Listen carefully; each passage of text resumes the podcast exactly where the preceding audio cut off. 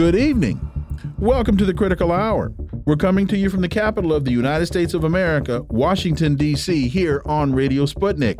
I'm your host, political scientist, author, and nationally syndicated columnist Dr. Wilmer Leon. I'm joined here by my co host, political analyst Garland Nixon. Thank you, Wilmer. For the next two hours, we will explore and analyze the salient news stories that are impacting the global village in which we live.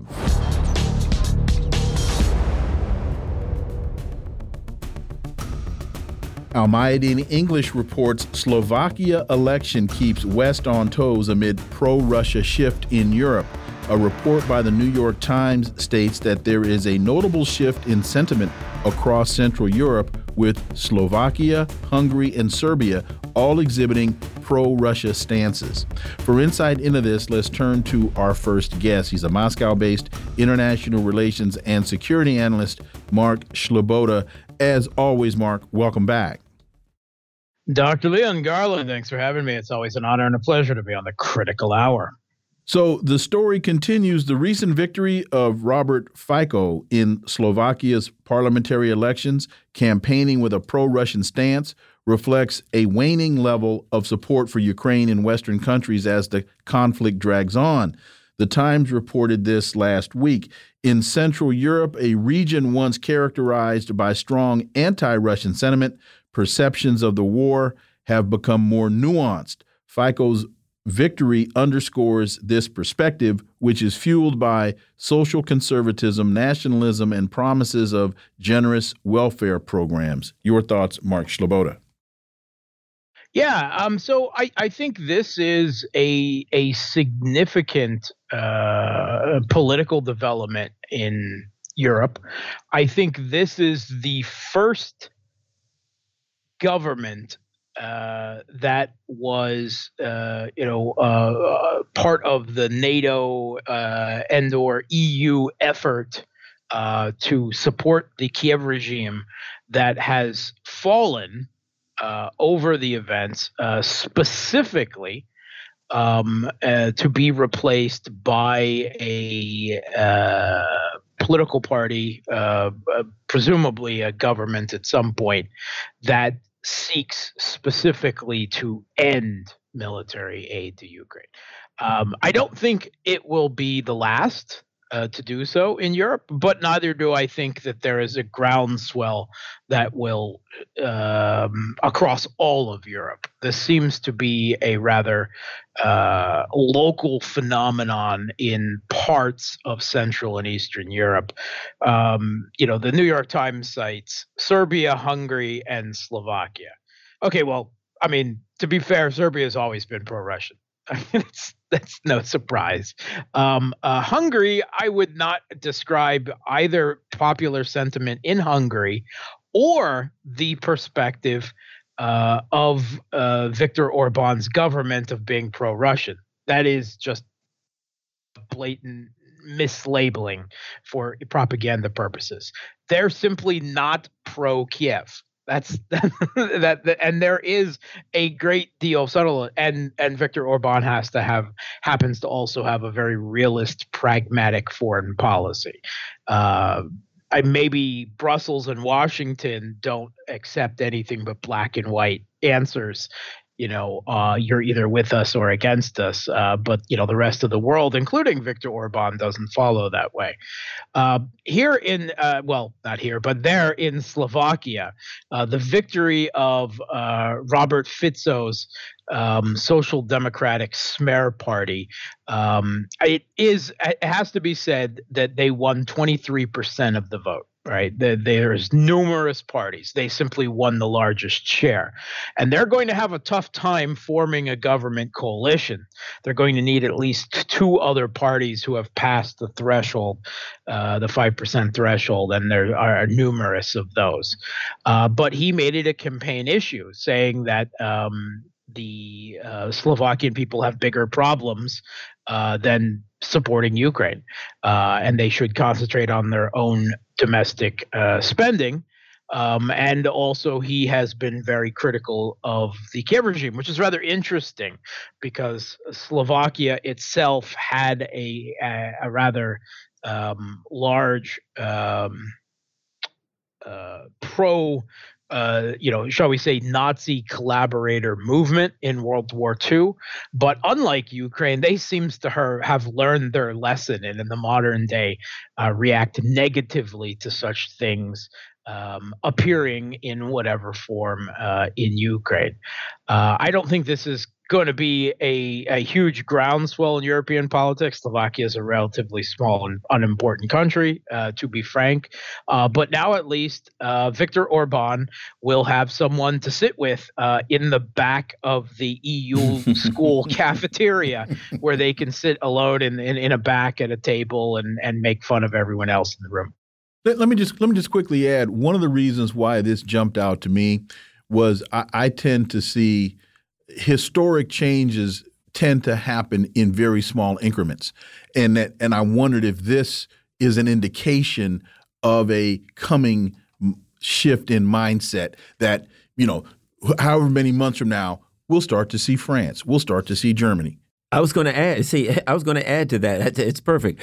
Take that and add the struggle that has happened right here in the U.S. Congress to get to try they're trying to get Ukraine aid you know money for the Kiev regime and it's out and it's in.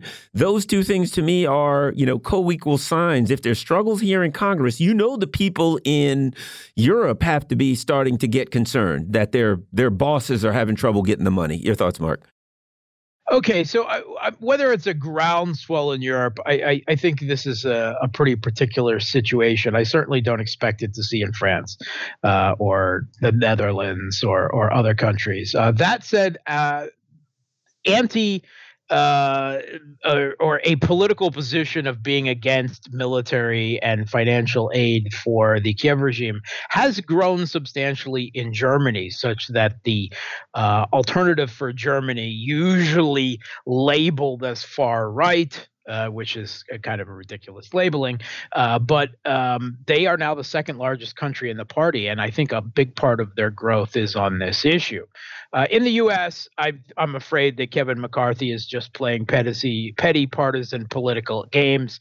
And in a recent uh, interview, uh, I believe on CBS, he made clear that he would be happy to provide the Kiev regime all the money it needs when uh, Congress remeets, uh, as long as uh, Congress, uh, as long as the uh, broader government acts on the border security issue and migration the way he wants it to uh, which means he's just holding this issue hostage because to petty partisan political demands because he sees the Biden administration as being vulnerable on it rather than of any uh, principled uh, rejection of uh, support for the Kiev regime. Uh, but on the other hand, he's also playing to his base. And at this point, the Republican base has come out strongly, I think, against uh, the Kiev regime. Not that anyone necessarily bakes foreign and military policy off what the general public thinks, uh, but Republican candidates for presidency are going to have to deal with this in one form uh, or another on the campaign trail.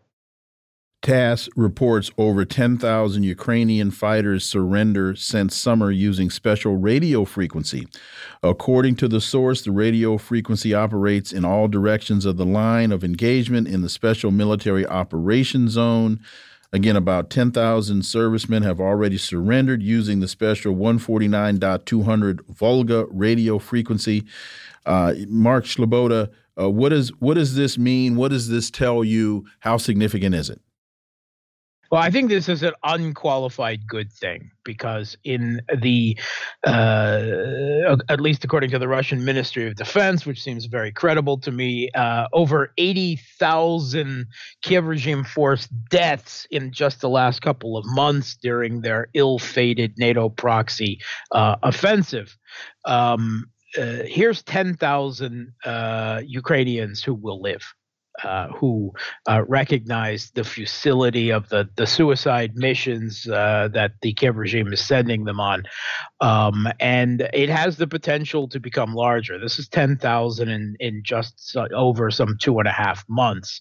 Um, and as well as establishing uh, the radio frequency that provides them with specific directions, uh, advice on how to surrender without being killed by uh, Russian forces uh, successfully or without being killed by their own military's uh, chain of command for, you know, being uh, traitors uh, in that regard of of surrendering, um, and and according to the Russian Ministry of some ten thousand uh, have um, you know participated, um, and Russia's uh, forces are also dropping leaflets uh, over Kiev regime uh, positions uh, across uh, South and East Ukraine, uh, informing them that of the existence of the radio frequency, because the regime keeps very tight information control, of course, over its forces, and this is not necessarily something that they want them. They tell them, you know, that Russians will eat them alive when they catch them, and that's if they're lucky. Uh, so uh, this helps break that uh, information or disinformation grip uh, on uh, the Ukrainian servicemen. British Prime Minister Rishi Sunak on Sunday said that comments made by his new defense secretary about sending troops into Ukraine for training are part of long term planning, not something the UK would do in the here and now. As we know, I think it was Dmitry Medvedev said, yeah, if they're there, they're going to be targeted. Your thoughts? Yeah, I, I think this is interesting. There's two ways to read it. One, that there is a genuine policy difference between the new British Defense Minister Grant Shapp and the new new British Prime Minister, relatively new uh, Rishi Sunak. On the other hand, Sunak just handpicked Shapp, so uh, you know for the position, and, and he's regarded as one of his loyalists. So I don't really see it this way. I think that this was probably a trial balloon uh, where the British government uh, was uh, testing the waters to see if it's time yet. Uh, they're testing British public opinion, Russian uh, government reactions, at least rhetorical. The sentiment in the rest of the EU is there a groundswell for it to see is it time yet? Of course, this is it's ridiculous the idea that they need to be in Ukraine to, train Ukrainian troops that they've already trained tens of thousands in Europe is ridiculous uh, that would only expose them to to Russian fire uh, during the training process which you know uh, is something that both sides uh, have uh, taken advantage of previously during the conflict. So I think this would all be about putting British troops on the ground and the slippery slope towards some type of, um, you know, declaration of a safe zone or a security zone in West Ukraine, uh, with the full knowledge that the Kiev regime is on, on the uh, the the path, maybe the long, slow path uh, towards losing and very likely falling. I would say I think they got their answer from the Russians as to how that would be perceived and reacted to, Mark. Perceived and received. Yeah. Mark. Yeah, absolutely. And uh, similar, uh, there are increasing calls for uh, Western for uh, Western companies to start building weapons in Ukraine. Russian government also made clear that they would immediately be targeted and demonstrated it this weekend with very heavy missile strikes on Kiev regime's uh, military industrial facilities that they have rebuilt. And we also see that this, you know, the idea of them building here is is pretty absurd considering the uh, Ukrainian uh, head of the Defense Council revealed last week that they moved a missile production facility into Europe out of Ukraine specifically because Russia had already targeted and destroyed the first one. 45 seconds, Mark. It, it really seems as though every time Sunak or Biden or somebody else says something silly like this, Russia responds and lets everybody know very clearly we're not having it. So, at what point does the West say, I think we need to change our tactic? 30 seconds. Yeah, um, I don't think that that is in the cards. Okay. I think they're going to continue escalating as they see the opportunity, and and perhaps often against all rationality. Until there's no Ukraine left. And probably till there's none of any of us left. But you know, okay. I'm, I'm a fatalist. Mark Sleboda, as always, thank you so much for your time. Greatly, greatly appreciate that analysis, and we look forward to having you back. Thanks for having me. Folks, you're listening to the Critical Hour on Radio Sputnik. I'm Wilmer Leon. I'm joined here by my co host, Garland Nixon. There's more on the other side. Stay tuned.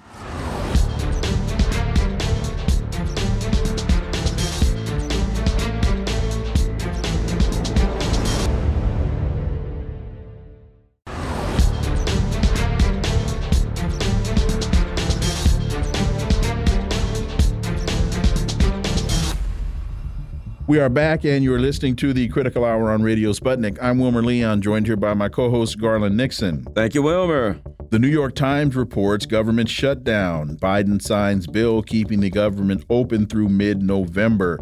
What are we to make of this? Well, for insight, let's turn to our next guest. He's an independent journalist whose work can be found at Substack and thepolemicist.net.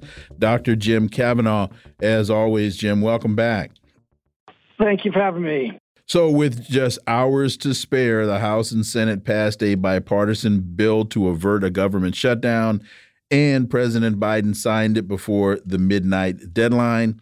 The law includes more domestic disaster relief aid, but no money for Ukraine. And interestingly enough, they're kicking the can, if I do my math right, Jim, they're kicking the can down the road right before Thanksgiving.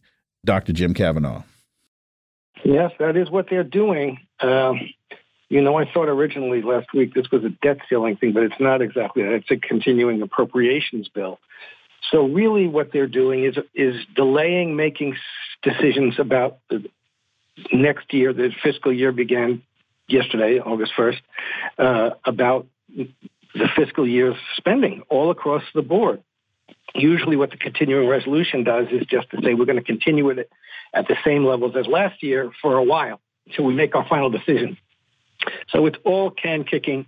It's all hiding the fact that there's tremendous amount of division about what the government should be spending money for and should be what activities they should be doing.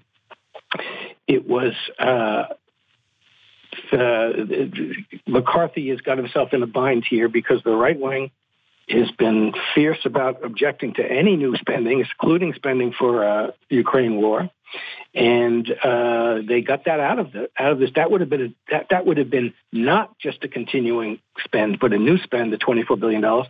So they and the, of course the disaster relief is new spend too. So they they did put in new spending for disaster relief, and they did not put in new spending for the Ukraine war. And now McCarthy's in trouble with the, with his militant right wing Republicans. But this is just a, a symptom of the, the deadlock in Washington, the fact that we have a very divided country and there we cannot decide what we really want to spend money on, what programs and policies we want to pursue. You know, I'm going to put something else to this. It's a little, it's outside of the country, but I'll add it to this.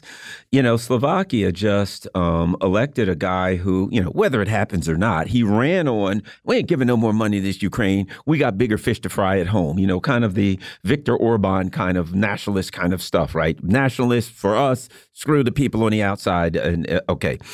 And you have the U.S. Uh, empire here struggling to get the money through to continue the conflict in Ukraine. It appears that there's uh, the rug is getting kind of get yanked out of this thing. The, the the support both in Europe. I'm not saying it's collapsing, but the support support in Europe and in on Capitol Hill is is waning. Jim.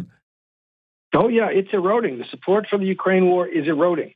Uh, there's no question about it. And, you know, the, the, the recognition that Russia cannot lose and will defeat Ukraine militarily, you know, in the near or medium term is Wayne is is coming to everybody, and they don't know what to do about it. And there's no amount of money they're going to spend that's going to fix that. So they're they're the American and European governments and peoples have to decide whether they're going to go to the wall with war against Russia because the only way they can imagine of stopping Russia right now, and they know it, is direct intervention, which will lead quickly to nuclear war, and that's clear.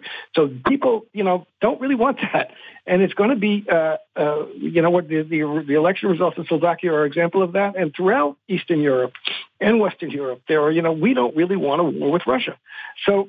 They're going to have to make a decision about that. But this issue in, in, in Washington is, you know, uh, good for the Republicans for not uh, wanting to spend money on Ukraine, but they also don't want to spend money on you know school lunches and education and various necessary things. And they have a the fundamentally stupid and reactionary notion of how much money the United States has to spend.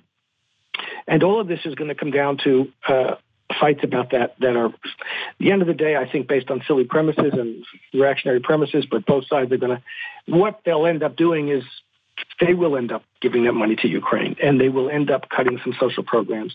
to get a final resolution, a final appropriations bill passed. That's what's going to happen, I, I think. I think always does. At the end of the day, the Democrats give up on some social programs, and uh, the Republicans will certainly give up on trying to prevent the money going to Ukraine.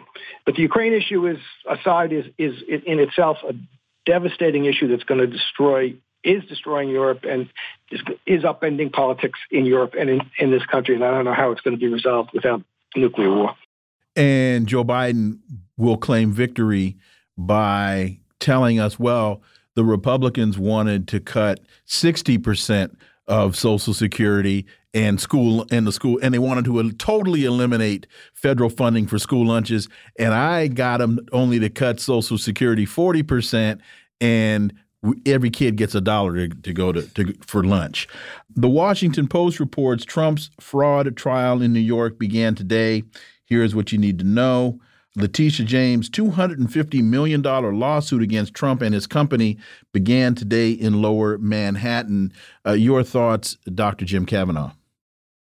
Well, it's going to be fun to watch. Apparently, you know, it, it's kind of clear that what's well, it's obvious that the the judge has made up his mind. The judge has already found him guilty. You know, this is a bench trial. It's been going to be decided by the judge, and the judge has fundamentally decided that Trump is guilty of the charges. These the, the issues here are going to be specific issues about what specifically he lied about and didn't lie about, et cetera. So it seems like the lawyers, Trump's lawyers, are playing to the gallery that isn't there. I was, at, I don't know what's in the Times or the Washington Post. They said like this one lawyer of his was very sharp woman who was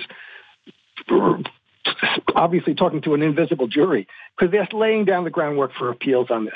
Uh, and the only and the question is whether Trump is going to get you know, what what Trump and his lawyers I think know that this judge is ruling against them. And the question is how much what level of fines they're going to get, what level of restriction he's going to get from ever doing business in New York again, et cetera, et cetera, and uh, whether they're going to have grounds for an appeal. You know, the the the issue in this case is so, you know, the the, the valuation of New York City real estate is really the most subjective game in the world, you know. Uh, uh, and the idea that Trump was a overvaluing his his assets to uh, to get loans. You know, I'm just so shocked at that. and you know, if there is a if he didn't do that, I'd be extremely surprised. And if there's a if there's a businessman in New York, let alone a real estate developer who didn't do that, I would be very surprised too. But that you know, the claim here is that uh, they're going to uh, prove that uh, he lied, which he probably did in some way. But on the other hand, his his claim is going to be, we paid off all these loans. The banks made banks aren't complaining. They made money on this. They're still making money on it. So you know, it's just someone had uh, inflated their income to get a mortgage and pay the mortgage. And ten years down the road, they came in and prosecuted you for telling a fib on your mortgage application. That's exactly what it is. So, you know, that's what's happening to Trump. It's happening for political reasons, and he knows it, and everybody knows it. But the, the, the judge has decided that this is, you know, fraudulent, and he's probably right. And but then again, who knows? You know, it, it is subjective. I mean, to talk about what the value of a of a of a real estate is in New York, I mean, it depends on what day and to whom you're talking and for what purpose. Uh, well, and, and, let me ask you this. Okay, so there's that trial in New York. Then there's the other uh, Stormy Daniels trial in New York. Um, then there's the trial in Washington D.C. And what we see is that the cases, the places where you know generally where Trump is is being uh, charged, these are places where I mean, 99.999% of the people don't vote, you know, are, are, are anti-Trump. We've got the Georgia thing going on, but I think that the fact that these, the majority of these things are happening in um, areas that are ideologically, you know, opposed, and the guy in New York, the one prosecutor, literally ran on saying, "Elect me, and I'll get Trump." I think this is one of the things that's causing his numbers to go up so much amongst the Republican Party. Your thoughts on that, Jim? Yeah, politically, it's working on his behalf, and who could not envision that? You know, it's the Barbra Streisand. Let's ban a book, Barbra Streisand effect. Let's ban a book and see what happens. I don't want to read the book. Let's go after obviously politically motivated. Even if the charges are true, the prosecutions are politically motivated. Everybody knows real estate developers inflate their assets. Uh, and who, uh, which of them the government goes after is a political choice that they're making in this case. And everybody can see what's happening to Trump. So politically, for now, it, you know, it's working on his behalf.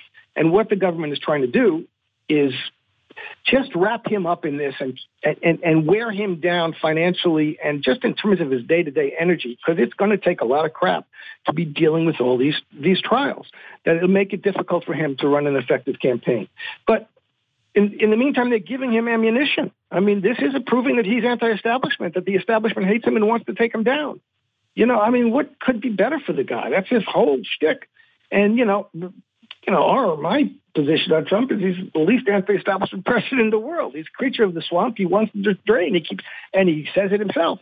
So now you're giving him credibility uh, for his anti-establishment claims that are going to work very, very well on his behalf.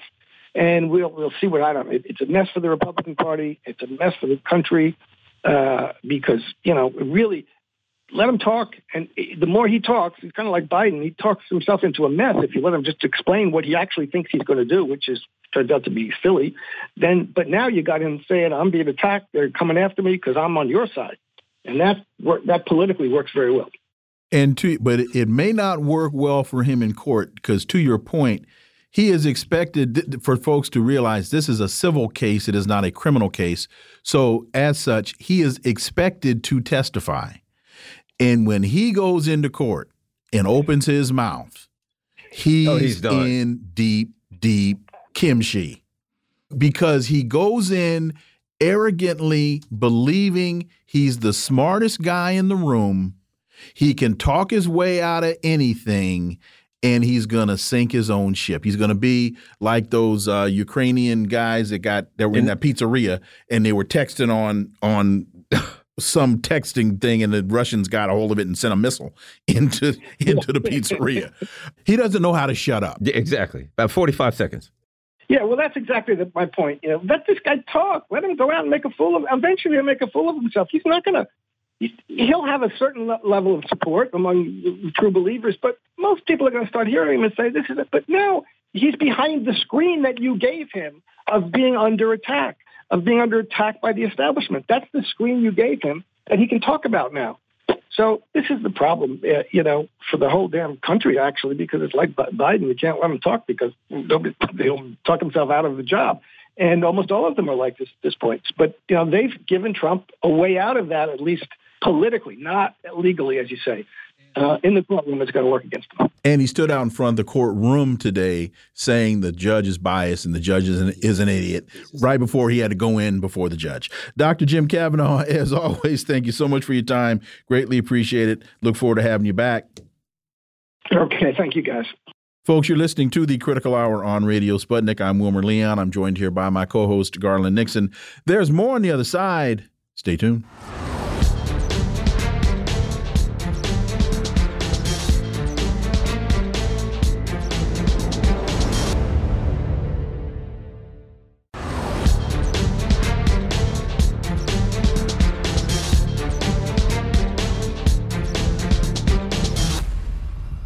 We are back, and you're listening to the Critical Hour on Radio Sputnik. I'm Wilmer Leon, joined here by my co host, Garland Nixon. Thank you, Wilmer. Consortium News writes Impeachment cognitive warfare on Capitol Hill. We must keep our wits about us while the Oversight Committee considers evidence on whether to impeach President Biden as the cognitive warfare warriors attempt to subvert reality. This is according to Patrick Lawrence. For insight into this, let's turn to our next guest. She's a political commentator and podcast host, Misty Winston. As always, welcome back. Thank you so much for having me. So, Patrick Lawrence continues after a single day's introductory hearings in the U.S. House of Representatives. It is already evident that the Oversight Committee's inquiry into Biden's potentially criminal involvement in his family's foreign business dealings will be much more than a formal, constitutionally mandated legal proceeding. Viewed in the broadest terms, this is likely to prove a test of the troubled republic's relationship with reality. If the hearings to come conclude with a finding that the 46th president is guilty of impeachable crimes, as now appears likely, they will confront Americans with an insidious, many sided effort to subvert their public institutions and the national discourse altogether in the name of a liberal authoritarian ideology. Your thoughts, Misty Winston? Yeah, this is um, uh, something that I've been pondering myself a lot recently. Um, and he goes on to mention uh, the NATO uh, thing that they published a few years ago called cognitive warfare. Mm-hmm. And as somebody who is uh, hyper fixated on free speech, propaganda, narrative manipulation, all of that stuff, this is, to me, the, the biggest fight that we're facing. This is the front line for everything. And it really is uh, just a battle for truth. I think that it, we've seen this time and time again. They're able to manipulate narratives. They they control the media. And by they, I mean uh, power, right? I mean, if you want to call them the ruling elite or whatever you want to call them, the mm-hmm. deep state, I don't care, whatever pet name you want to give them. Uh, but the people in power control our mainstream media institutions. They are able to uh, purchase, uh, essentially buy off and, and, and manufacture a narrative for themselves. And I think that we're seeing that play out again with the Joe Biden investigations. We've already, I mean, we've talked about it here on this show where uh, it's very telling uh, the, the very, the difference in the way that the the Trump stuff is being covered compared to the Biden stuff. And so we're seeing that happen in real time. Yet again, the cover up is already uh, uh, in full swing. And so I think that that's exactly what's happening here. And it is going to be a real test of our relationship with reality, as Patrick Lawrence said. Well, and what's interesting is this: like before this even started, before um, you know, when I was reading, you know, and different uh, uh, politicians were coming out, and what you saw basically was this. Now they didn't say this is the details, this is what we have, and what people came out and said was they don't have anything against Joe Biden, and everything they're saying is a lie, and they hadn't even seen it yet. You could at least yeah. wait till you hear and see what they say, and then respond to it. But it's what Patrick Lawrence is saying here. They could come out with videotaped evidence of Garland Nixon robbing a bank. And the way these people are operating, they'd look at it and the, what they put in the news is they have no evidence of Garland Nixon robbing that bank. They just say that irrespective of whatever evidence exists. Misty.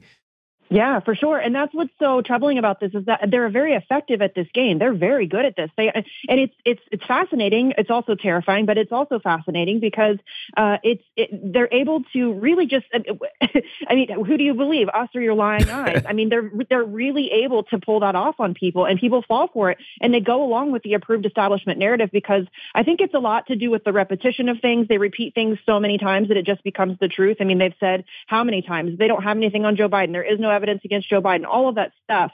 And I think that that is a really effective tactic. But yeah, it is, it's crazy to watch it play out in real time. And I think I wish more people were paying attention to it because this is what, uh, this happens to us on a regular basis on a whole host of issues. This just happens to be a really prevalent one.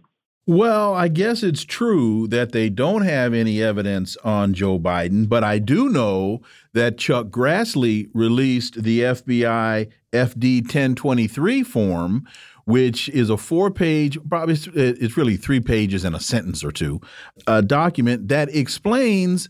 We won't call it evidence because it hasn't been entered in court, but it is your damning statements about the Bidens, their conversations, and uh, somebody saying, I've got plenty of audio recordings. So there is enough information to warrant an investigation. So for these Democrats to come out here and say that there's absolutely no information out there, no, there is. In fact, when I first heard that statement, I was confused, thinking that there was some other investigation going. And I'm I'm serious about this. There was some yeah. there. What do you mean? There's no one. There's no info, There's no evidence is there some other investigation going on that I don't know about? Because yeah, I've read the 1023 and that's pretty damning, Misty. Yeah. No, and you're absolutely right. And that is, again, that's the, the fascinating aspect of this. What I find also uh, fairly interesting is uh, Democrats right now who are doing everything possible to run cover for uh, and uh, control narratives for Joe Biden have been very quick to throw somebody like Bob Menendez, who was just uh, brought up on corruption charges again. Uh, and but it, they threw him under the bus very quickly. And I feel like when that came out, I was very curious if the timing of that was um, a little suspect because I feel like there's now a bunch of Democrats on Twitter, you know, oh, Bob Menendez should re, uh, uh, should retire or should resign. You know, we're we're consistent. We want to hold people accountable at the same time that they are literally out there lying for and running cover for Joe Biden. So I just think that it's uh, the hypocrisy is very apparent. And yes, I think that this is uh, very clearly a massive cover up. An attempt at a cover up is going on. An attempt to rewrite history in real time is happening right now. Uh, and it, I, I just I'm very I'm fascinated to see how it'll play out. Well, let's see. I'm going to throw something at you, Misty. Bob Menendez was the chair of the Senate Foreign Relations Committee. Bob Menendez was blocking the F 16 deal going to Turkey. Turkey was blocking Sweden into NATO if Bob Menendez is out of the way, the F 16s go to Turkey and Sweden goes into NATO. I think we found the We've connected the dots. Uh, to, to, the demise of he was in the way, and now he's out of there. The F 16s go. He went against the system, even though he's a neocon. When the system says F 16s go to Turkey, either F 16s go to Turkey or you go to jail. But Let's add this because this is important, and I want to get your thoughts on this big story. RFK Jr.'s super PAC is now saying, and a lot of people are saying he might just leave the party and run as an independent. Now, I got issues with RFK Jr., particularly when it comes to the Israel issue, but I think there are a lot of people that will look at him and say, you know, if these people are cheating you and you're saying, hey, if you're cheating me, I'm going to leave, that's a respectable thing to do. Your thoughts on that, um, Misty? Uh, yeah, I think that for sure. I, I, think it's really weird that he ever chose to run inside the Democratic Party, given what we have seen over the past two primary uh, elections uh, or selections, you could call them. I mean, listen, after the 2016 uh, Democratic, uh, the the DNC fraud lawsuit, I don't know why anybody who uh, wants to challenge power or wants to run as kind of an outsider, as he's proclaiming he is, would run inside the party. It makes no sense whatsoever. They have every right, every legal right, as they went into court and said, and I'm paraphrasing here. Listen, we can go in a back room, choose our candidate uh, in a room filled with cigar smoke, and there's nothing you can do about it. And they're right. I mean, legally, they are allowed to do that. So it was always weird to me that he chose to run inside the party. I think him leaving the party is certainly interesting. I think it'll definitely shake things up quite a bit. What I think is most fascinating is trying to figure out uh, who is panicking more because he does have a lot of Republican support. Um, however, I think what is really going to, this will be dependent on is who the Republican nominee actually is. If they are able to keep Donald Trump out of the nomination through legal matters or whatever it is. I think that becomes a, a much more interesting aspect because I think Donald Trump supporters are incredibly loyal. They're not going to be swayed by Robert Kennedy Jr.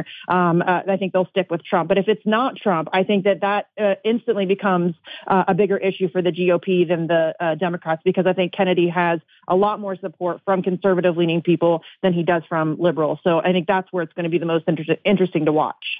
I don't think for somebody like Robert Kennedy Jr that it was odd for him to run uh, as a as a as a Democrat if you start from the perspective of branding, and he has his own money, so yeah. so he's not beholden to the DNC's treasury. So if it were if I were running and I chose to run as a Democrat, well, that's one thing, but again, based upon his family history and the branding with the party, I think it made perfect sense because with his own money, he could always decide to go elsewhere if the circumstances warranted. And now he looks not as a, spoiled, angry child. He now looks more like a thoughtful individual who is saying, You guys aren't playing fair. I'm going somewhere else. I think that's probably a fair point. I think that he, uh, if he had run initially as a true independent or with it, we're still not sure if he's going to run truly independent or if he's, there's been some talk of him uh, cozying up with libertarians a little bit. I don't know. I'm not convinced that that's going to be the road that they take. I'm not sure that the mm-hmm. Libertarian Party would be willing to welcome in an outsider like that. But I think that you're absolutely right. I think that there is uh, now, if he would have run as an independent, I think he would have immediately been labeled as a spoiler. Mm-hmm. He would have mm-hmm. been labeled as a protest candidate. Correct. And now I think that you're, you're right. You're probably right. I, I take back what I said. I think maybe it does make a little bit more sense for somebody like him to have run um, uh, in, in, the Democratic Party initially. But I am just super interested to see um, uh, as this rolls out and as the announcements on October 9th, I'm super interested to see. Uh, you can already feel the tension from both parties. Uh, and I think to me, that's the most interesting aspect is seeing which party he's going to pull the most from. And he also, just to put the final point on it, he he doesn't avoid the criticism, but he does shield himself a bit from you're paving the way for Donald Trump because he he can say, "Look, I tried to run as a Democrat. Y'all yeah. didn't play fair." Uh, yeah. Antiwar.com, Tony Blinken, Secretary of State uh, Antony Blinken on Thursday claimed that China is seeking to become the dominant world power and wants to replace the U.S. led liberal world order. You know, I would think if the world order was so great, you wouldn't have to force it on anybody at gunpoint, Misty Winston. I'm, I'm clutching my pearls as we speak. I'm, I'm verklempt. Sure. Yeah, clutch them hard. I mean, sure, make sure you got a good grip because this is intense. Um, uh, but yeah, I mean, this is just so absurd. Uh, and uh, you know, we're we're trying to pretend as if China is seeking to become the dominant world power, as we literally sit as the dominant world power and the bully of the globe, uh, who is trying to take over everything. Has uh, you know 900 military bases. We're occupying several different countries. We're par- openly participating in se- several different genocides. I mean, it's just a ridiculous. Uh, the, the fact that we think that we have moral superiority, that we have the ability to shake our finger at anybody, is absurd. But yeah, this whole, and I've been saying this for a very long time. Uh, the uh, conflict with Russia was never the end game. I think that the final boss has always been China. I think Russia has been used as a way to kind of pave the way for that uh, conflict. We had to kind of soften up the American public for that type of a situation. I think Russia was already primed to be the boogeyman in everybody's eyes, has been since the Cold War. Um, so I think that that is really where uh, eyes have always been for uh, the, the power elite. I think that they have always been eyeballing a conflict with China, uh, and that should terrify everyone. That's I'm, that's not a fight that we win very easily, if at all. I think they want a world order, but the world order they seek is profoundly illiberal in nature. Ours is liberal with a small L, according to Tony Blinken. If that isn't, uh, well, she's laughing. So, uh, but uh, how how Orwellian is is is Tony Blinken's illogic? It's not illiberal; it's illogical. Tony Blinken. Yeah. we got 30 seconds, yeah. Misty. Yeah, for sure. It's completely illogical. That is uh, absolutely uh, counter to all reality. And I think that he is obviously just, uh, you know, speaking his propaganda. We now have the CIA is creating their own AI chat GPT so that they can better spy on their uh, pub, uh, populace. So, I mean, this is just, uh, it's, it's an insane, it's insane. This is all just insane. And Antony Blinken is a turd amongst turds. So I'm really just, yeah, he makes no sense there whatsoever. Misty Winston, as always, thank you so much for your time. Greatly, greatly appreciate that analysis, and we look forward to having you back. Thanks, fellas. Anytime. Folks, you're listening to the Critical Hour on Radio Sputnik. I'm Wilmer Leon. I'm joined here by my co host, Garland Nixon. There's more on the other side. Stay tuned.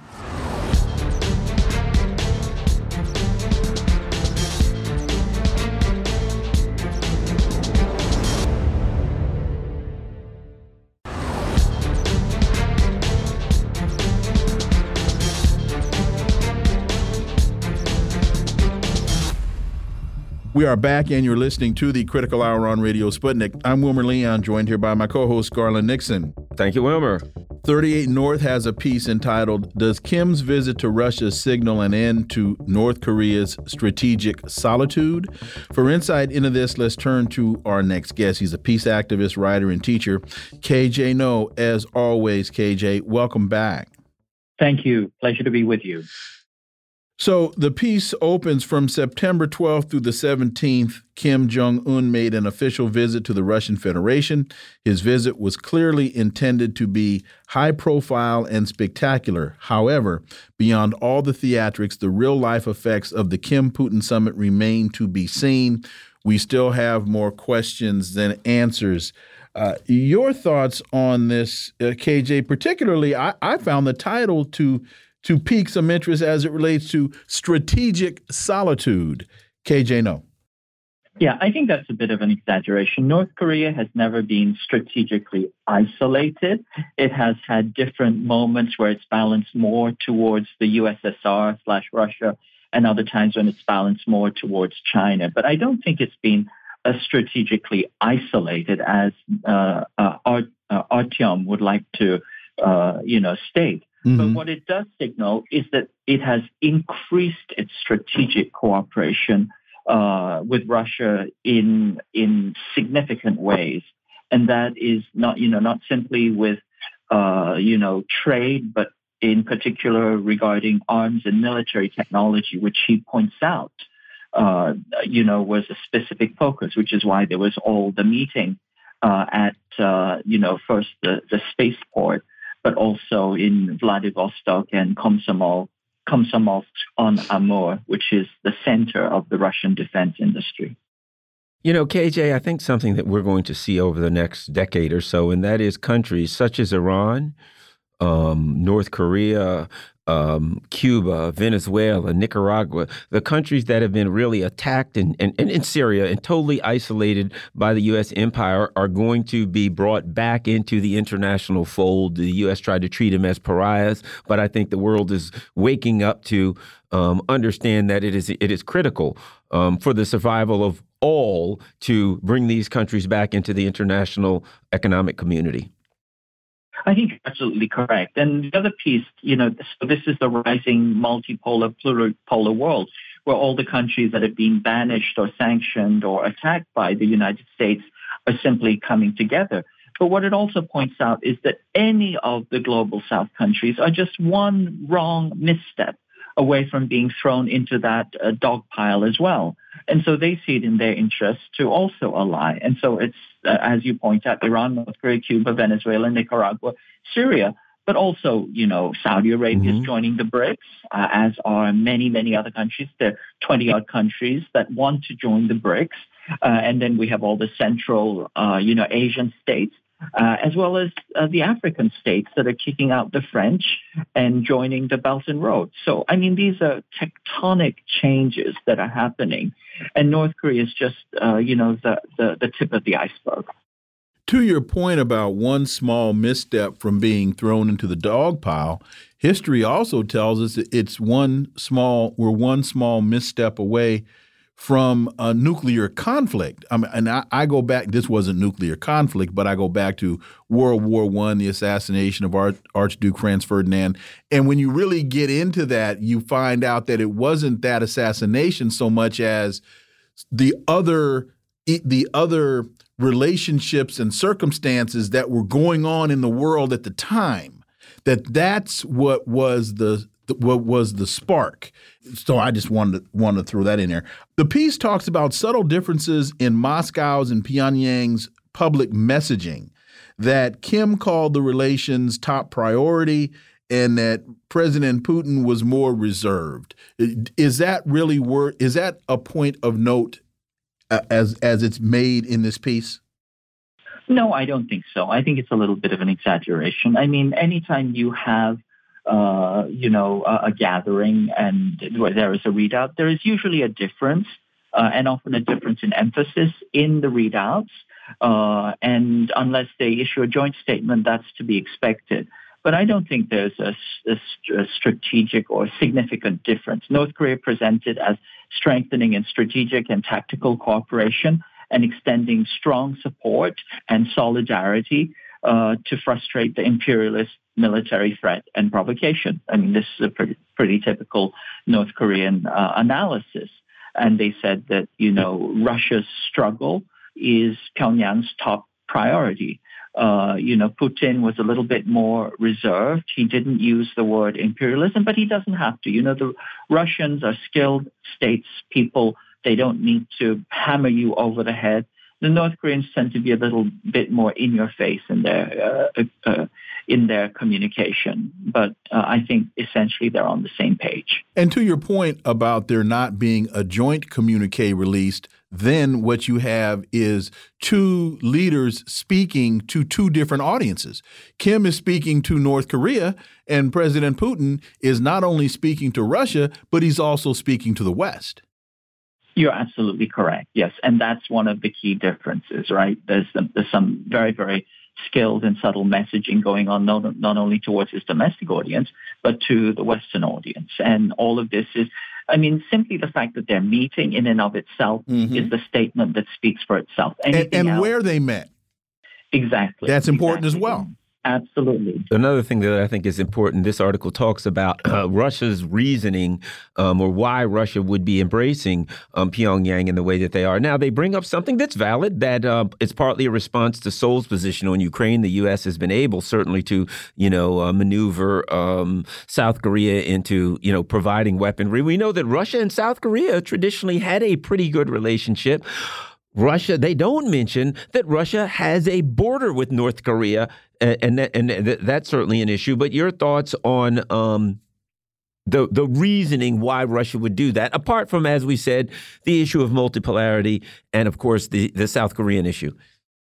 Yes, well, I mean, the, the key issue is strategic balancing. As as we've said before, it's a message to Seoul. You know, perhaps you might want to reconsider, you know, whether you want to extend yourself all the way into Ukraine. In particular, as this article points out, this cooperation between Seoul and Warsaw, that is to say, uh, ROK has become a major military industrial partner for Poland, making arms and military technology deals with Warsaw. I mean, this is one of the issues that I think Russia takes exception to, and it's something that I think many, uh, you know, outlets have overlooked. But uh, it's clearly a message that you know two can play this game of uh, global, you know, alliances and balancing. And as you point out, North Korea has a very, very convenient, uh, you know, uh, border with uh, with North Korea. Russia has a very close border with North Korea, whereas Seoul has to travel a long way to get to Warsaw. Two articles I, I want to combine, both from Asia Times. India eyes massive naval buildup to challenge China. India plans to embark on a massive naval buildup in response to China's growing naval might and presence in the Indian Ocean, but the broad strategy will face various significant challenges that could cap its ambitions. And the other story China India rivalry playing out on the moon. China will send an unmanned spacecraft to the south pole of the moon next year with the lunar aim of bringing two kilograms of rock samples back to Earth. And they're saying that this is, again, this is the China India rivalry playing itself out on the moon. C combine those two stories and, and picking another fight with another country. I, it, it, you know, it, it, just that's what this seems seems like to me. Laying the groundwork or fanning the flames for conflict.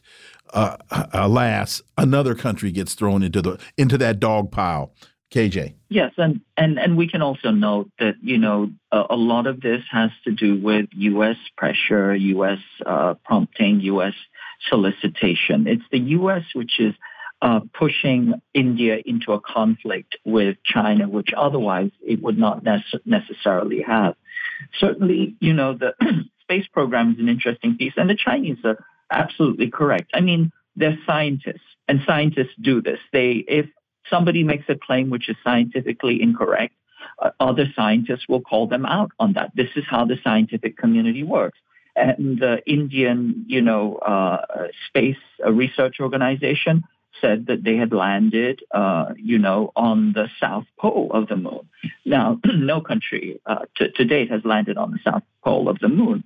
But the Chinese pointed out is that they didn't land on the south pole of the moon. They landed on 69 degrees south latitude, which is actually a long way away from mm-hmm. uh, the South Pole, which would be 90 degrees.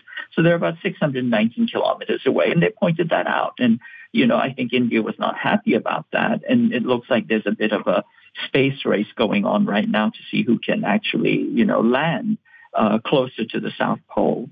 But all of this has to do with some of this, you know, kind of general contestation between uh, the two countries, as I said, once again, facilitated by Washington.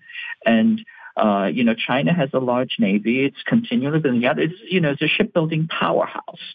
India is not a shipbuilding powerhouse, but once again, it wants to, you know, kind of enter that fray. I think very foolishly because China and India are not enemies. They certainly don't have any direct contestation over, you know, naval territory. So there's no need for this.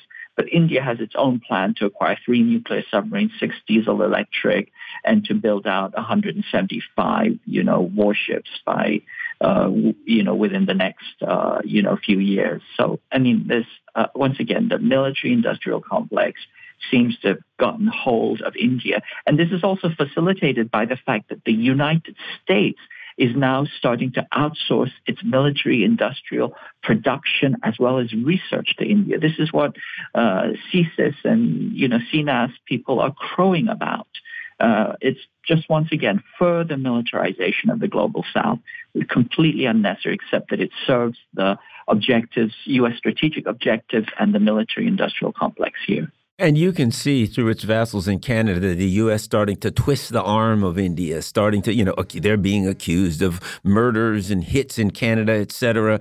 And, you know, I felt like this from Ukraine to Taiwan Kashmir is to India what Ukraine and Taiwan is to the other two, and the U.S. will be if if India doesn't do what they told, they'll be saying, oh, you know, I think we need to arm Kashmir uh, to uh, you know help them get a little bit of independence and democracy. Your thoughts? You're absolutely correct. Yes, they're using both a carrot and a stick. You know, the the stick is the military cooperation, the military industrial production research line, and then the stick is the threat of uh, you know disruption, internal disruption, uh, potential, you know, genocide and you know, charges, etc. So it's working, you know, both uh, sides, uh, you know, of the alley. You know, it's the both. It's the candle is being burned at both ends, and India is being pressured. And it once again, it speaks to the kind of ugliness and the dirty games, the knife fights uh, that are happening as the U.S. tries to continue to maintain its global hegemony by forcing its vassals uh, under its thumb. But do you see China and India being able to work through their issues diplomatically in spite of the conflict that the United States continues to encourage? I think so, absolutely. I mean, China has, has always traditionally, historically, it's had good uh, relations with all the Central Asian countries. It, it, it doesn't go to war unless it is directly attacked or invaded. Now, there are some, you know, lines of, uh, uh, you know, there's some border disputes, but these are minor issues. And once again, they would be ordinarily resolved except that the United States is involved in using these as a way to stir the pot and to uh, create hostility because once again, the U.S. has encircled China and it wants India to be the leftward, uh, westward bloc that is a direct threat to China along its left flank. That's the idea of the Quad. That's the role of India. And of course, India doesn't realize that if China is taken down, as, along with Russia, it will be the very next on the chopping block because once again, the U.S. does not tolerate peer competitors. It has to be at the top of the pecking order.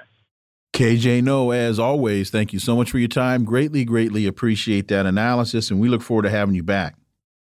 Thank you. Always a pleasure. Folks, you're listening to the Critical Hour on Radio Sputnik. I'm Wilmer Leon. I'm joined here by my co host, Garland Nixon. There's another hour on the other side. Stay tuned.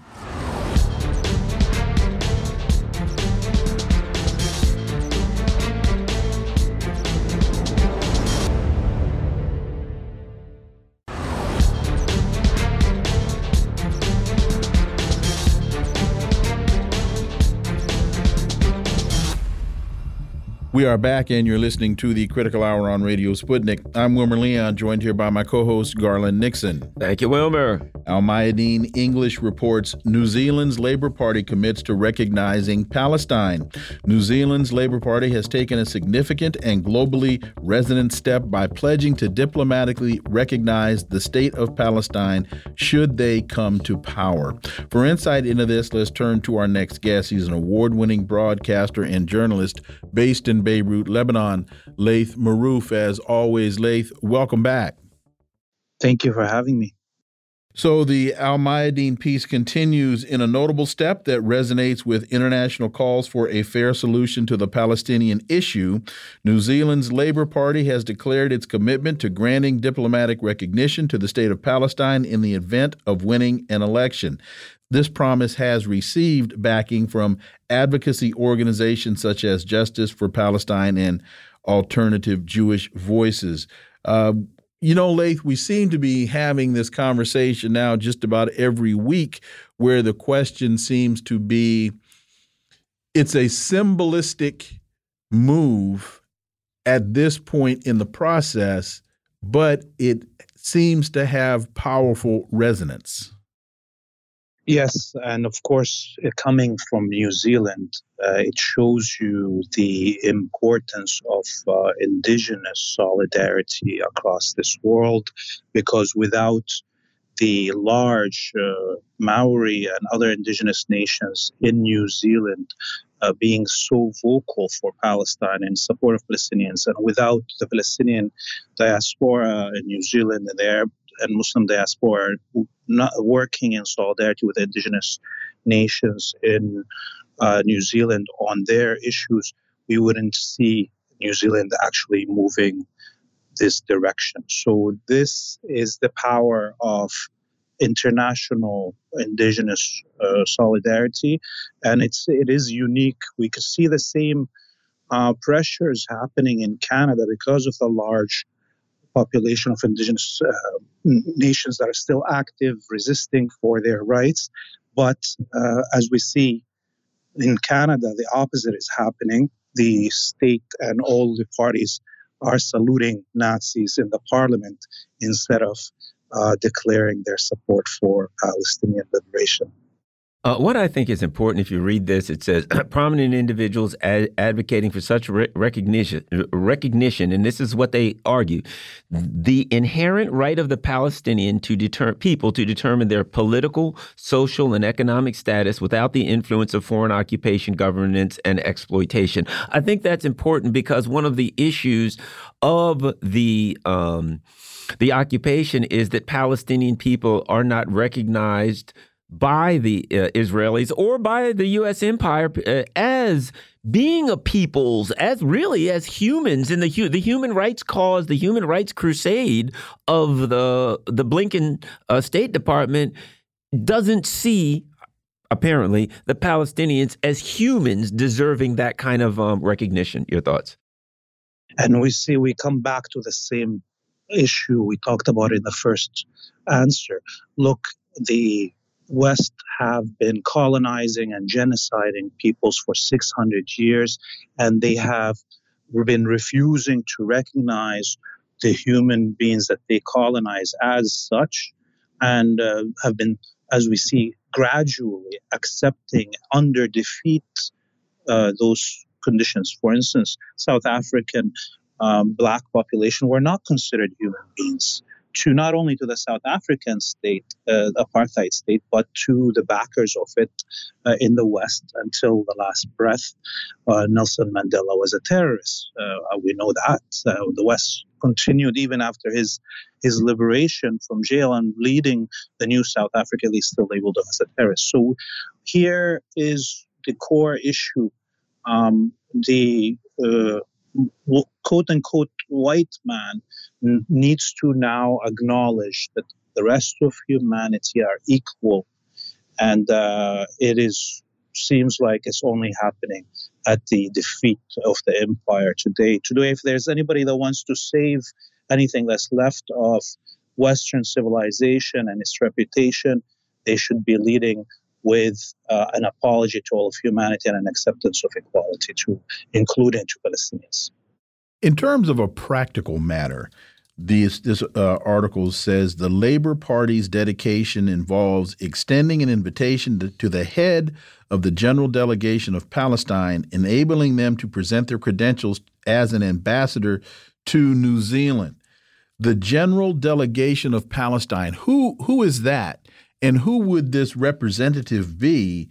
It, would it be the head of the PLO? Would it be the head of Fatah? Who who would be who is this uh, general delegation of Palestine? So it is appointed by the Palestinian Authority, meaning Mahmoud Abbas, the unelected uh, president of Palestinian Authority, who appoints this. And of course, we see already the limitations of such a move. I mean, uh, New Zealand is still part of the Five Eyes, is still, uh, you know, trying to dominate the world through this Anglo alliance.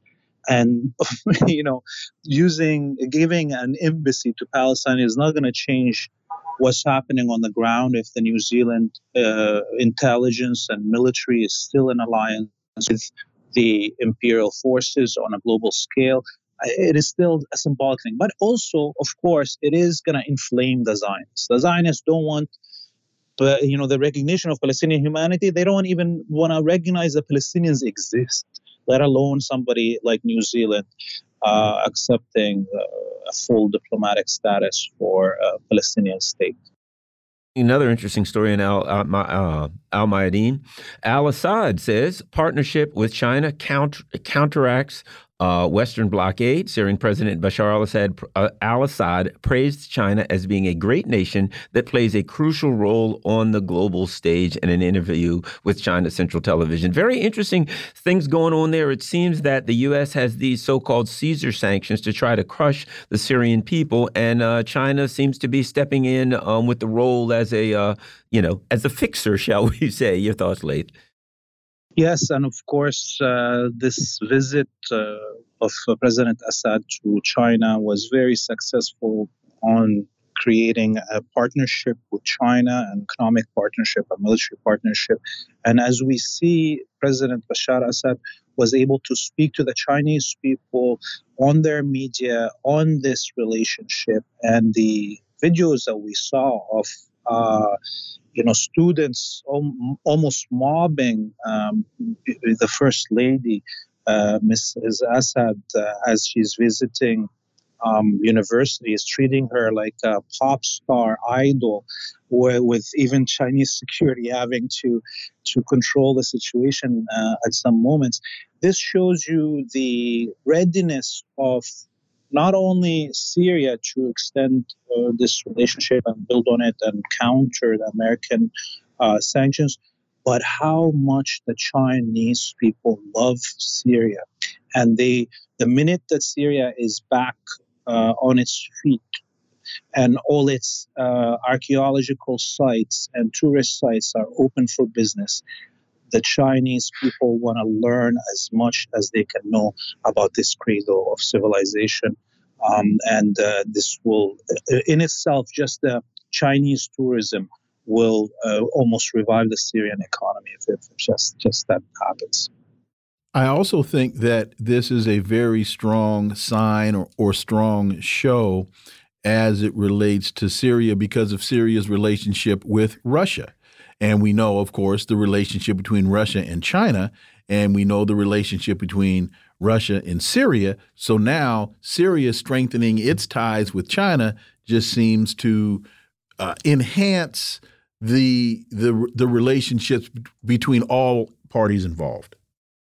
Yes, and of course, everybody knows Syria was the first battle zone where both China and Russia returned on an international scene and used a double veto to protect Syria. This has not happened since the end of the Cold War, where we see China taking that, uh, you know, so Syria has been a crux of uh, and and um a kind of a a, a a a point of fracture in our time when and a change and a beginning of the rise of the new polarity and uh, when historians are going to look back at that um, they're going to recognize how important this battle was. It's even, you know, more important almost than the Battle of Ukraine because if uh, Syria would have fallen, Ukraine would have been gone long time ago, um, and and and Taiwan would have been next. But so we see now a clear uh,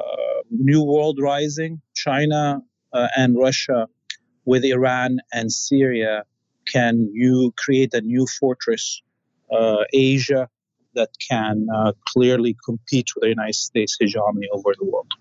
Mondoweiss, Biden is out Israeling Trump for good political reasons. They go on to say uh, Joe Biden, what he's done is overrode uh, pressure not to give uh, Benjamin Netanyahu um, what he wanted, which was waiving the visa requirement for Israelis traveling to this country.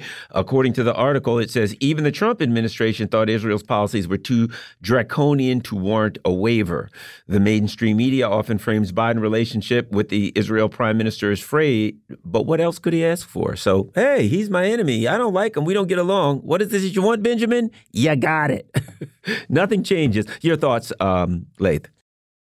Yeah, I mean, look, uh, if you look at the last uh, 30 years since um, Oslo, 30 somewhat years since Oslo, um, you can clearly see every American president uh, before coming to be elected claiming that they will uh, pressure the, the, Israelis to do something, and then just continuing with these, the same appeasement and even trying to um, you know, out appease the president before them. And so this is not only a, a phenomena from Biden and Trump. Uh, look at uh, the history over the last 30 years, and you'll see that, uh, and it will continue. And it's uh, this is why everybody needs to understand that you know the Zionist lobby is not really the uh, if uh, that powerful but it can affect this.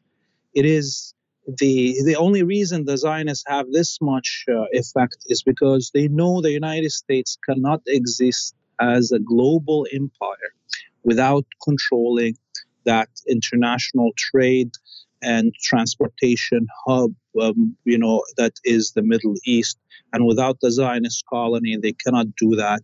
Uh, you know, Arabic people would have been uh, unified a hundred years ago if without the existence of the Zionist colony. And um, and this is why they will continue. Each and every president that comes will do everything they do. People think that they, well, you know, the amount of money Biden is throwing at Ukraine is crazy, or what the West is doing is crazy in Ukraine, and how desperate they are to win. Well, they're more even desperate, and they will be more desperate to maintain the Zionist colony to the last breath, because it will be even a worse defeat for imperial hegemony on a global scale for them to lose Uh, uh, the Zionist colony than to lose even Ukraine.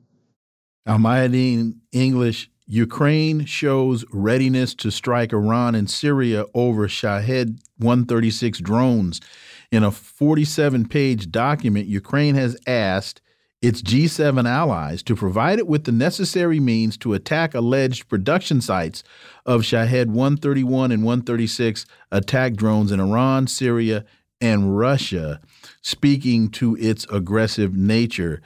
This sounds like foolish talk from crazy land. Laith Marouf, help me out here, man. This is just nuts. I mean, I can, I can't describe it better than that. It is definitely a crazy talking point from a uh, you know government as Ukraine is, but it also tells you that Syria has this technology it means that uh, you know the whole axis of resistance is not only Iran have access to these technologies, and we're that's why we're tethering on the edge of war here in Western Asia, um, because the Israel and the Israelis are worried about a multi multi uh, front war because Syria has this technology, Hezbollah has this technology, people in Gaza has this technology, and Iran has this technology. Um, now will Ukraine get uh, to bomb Syria? Because it, it feels like uh, those uh, drones are making it all the way to the battle zone there. Uh, I don't think so. and this will be even a a funnier moment if, if Ukraine triggers a regional war in, in Western Asia. Imagine that. And final point as we get out. So Ukraine wants to bomb Iran and Syria for these drones. But the United States and NATO countries are dumping all kinds of weapons into Ukraine, even some that have been outlawed, like cluster munitions. And so, from the Ukrainian perspective, that's okay. But Russia can't use equipment from some other country, or some other country can't get involved on the Russian side. That that just makes we, Again, crazy, yes, silly talk from crazy land. The, yeah, the Minister of Defense of the UK opening his mouth last night saying that they're going to send uh, British uh, troops right. inside Ukraine to train the Ukrainians, and you know, Prime Minister, ex-President uh, Medvedev of Russia saying they will be a target and it will be the beginning of World War Three. you know, I mean, and and to see how Sunak immediately withdrew those comments as mm-hmm. the Prime Minister of the UK that tells you, you know, how this crazy talk is coming out of much of the West. And it's, uh, you know, people need to rein them in right. before they take us to, to a stupid World War III for no reason. Laith Marouf, as always, thank you so much for your time. Greatly appreciate that analysis. We look forward to having you back. You have a great evening. You too. Folks, you're listening to the Critical Hour on Radio Sputnik. I'm Wilmer Leon, joined here by my co host, Garland Nixon. There's more on the other side. Stay tuned.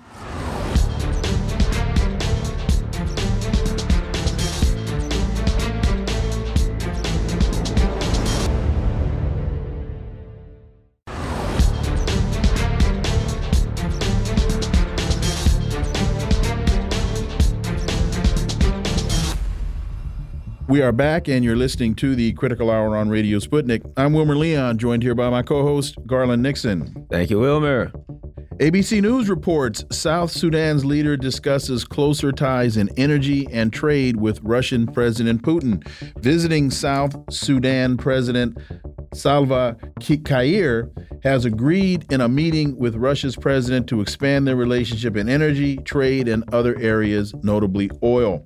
For insight into this, let's turn to our next guest. He holds the John J. and Rebecca Moores Chair of History and African American Studies at the University of Houston. He's one of the most prolific writers of our time. His latest book is entitled Revolting Capital Racism and Radicalism in Washington, D.C., 1900 to 2000. Dr. Gerald Horne, as always, welcome back. Thank you for inviting me. Kiir and Putin met in Moscow last Thursday and discussed political and security matters in South Sudan, which is preparing for its first presidential election in December of next year. The country won independence from Sudan in 2011, and Kiir has led the country since then. This is only the beginning. We have many good opportunities in a variety of fields, including energy, Putin said. Uh, Russia's invitation to Kiir to visit came as global powers reach out to African nations.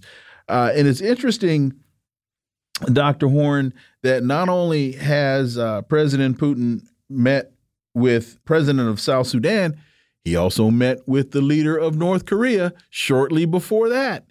There are a whole lot of meetings and a whole lot of conversations and a whole lot of agreements being made, Dr. Gerald Horne.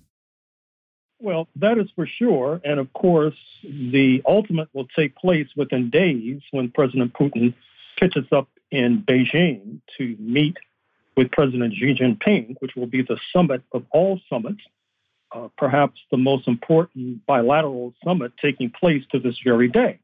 But with regard to South Sudan, that particular meeting should also not be ignored. As you correctly pointed out, South Sudan seceded from the larger Sudan in 2011, not least because the United States wanted to break up that country, and the United States wanted to break up that country in league with Israel wanting to break up that country because it would seem as part of the so-called rejectionist front uh, of the Arab League, which was quite militant uh, with regard to the Palestinian question. Uh, keep in mind as well that there was further reason to strike back at the larger Sudan because before the rise of the current era, going back to 1956 when it attained independence, it was a thorn in the side of the North Atlantic powers because the regime tolerated one of the most important communist parties on the African continent. However, this meeting with uh, President Salva Kiir is of a different character because even though Salva Kiir still styles and wears, as you see in the photos, this uh, Texas cowboy hat, which is sort of homage to George W. Bush, who was seen as a man who helped to instigate secession, uh, in 2011, which was not altogether inaccurate.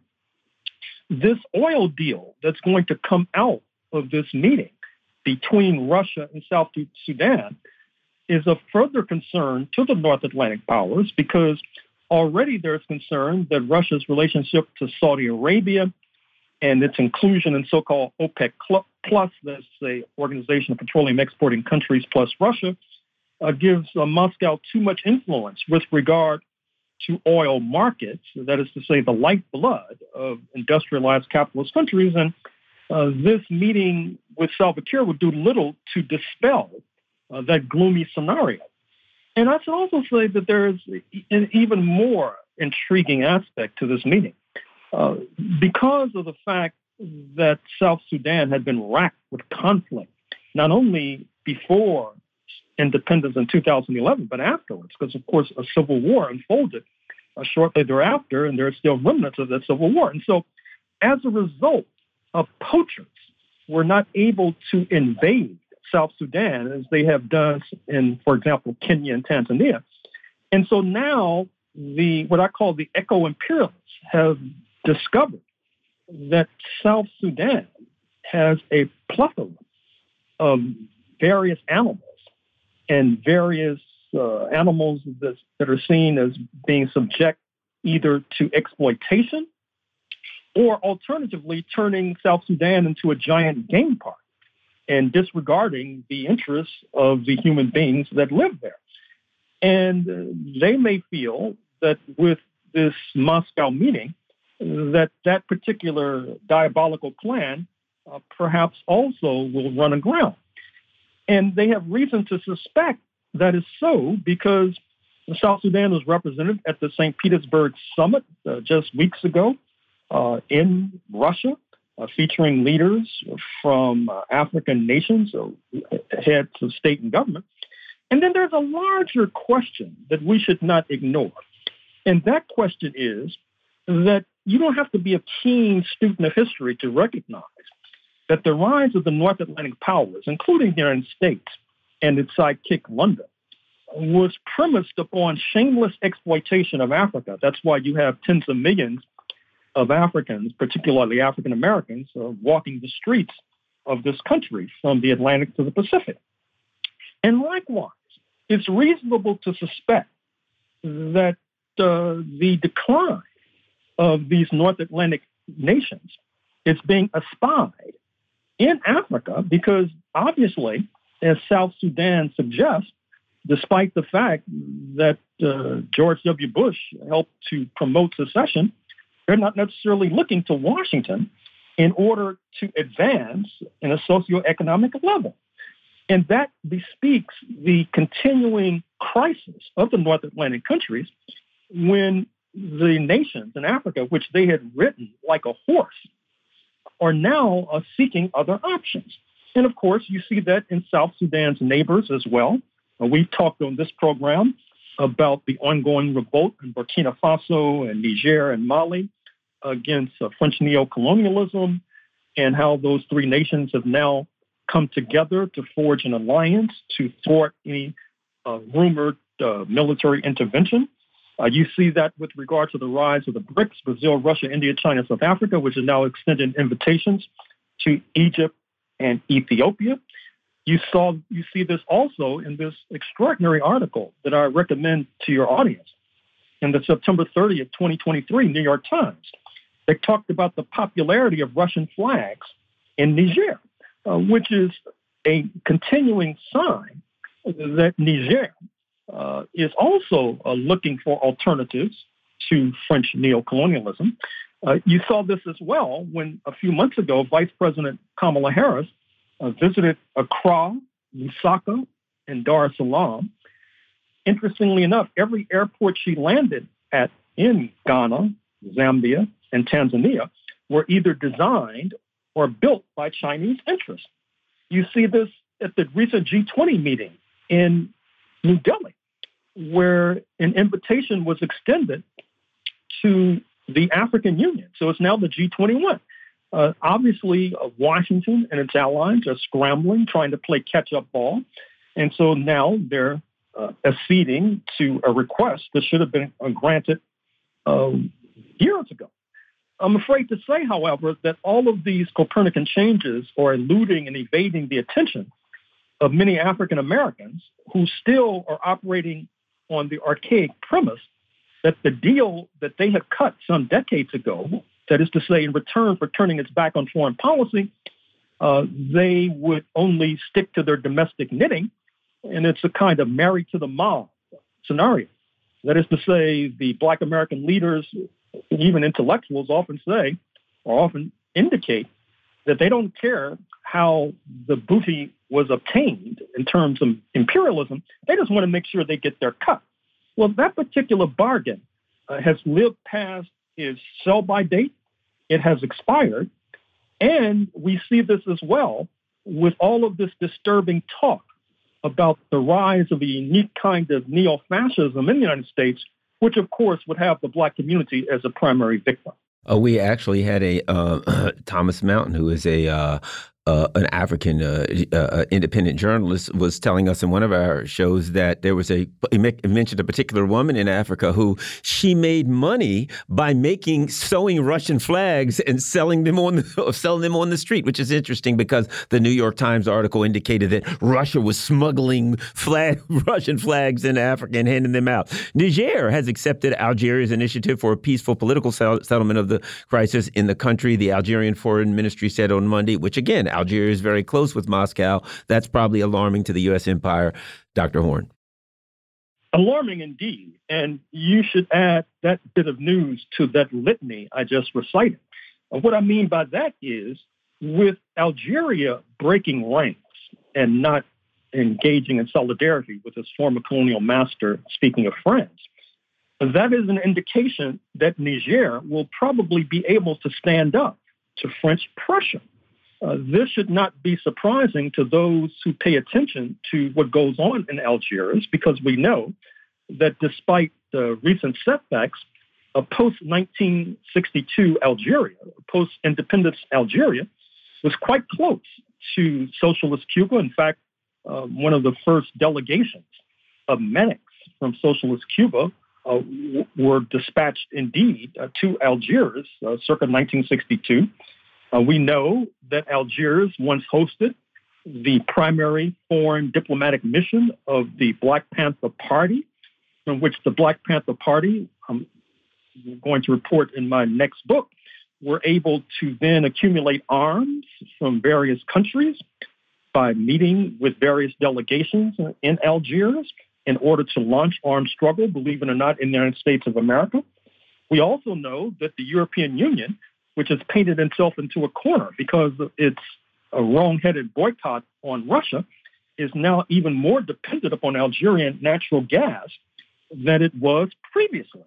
And so with this Niger Algeria deal, we also see the possibility of a back door from Algeria, the northern neighbor of Niger, being opened, which will allow the influx and facilitation of aid from Russia, from China, in order to rescue the Niger economy, which is now under a kind of blockade by the giant of the continent, speaking of Nigeria.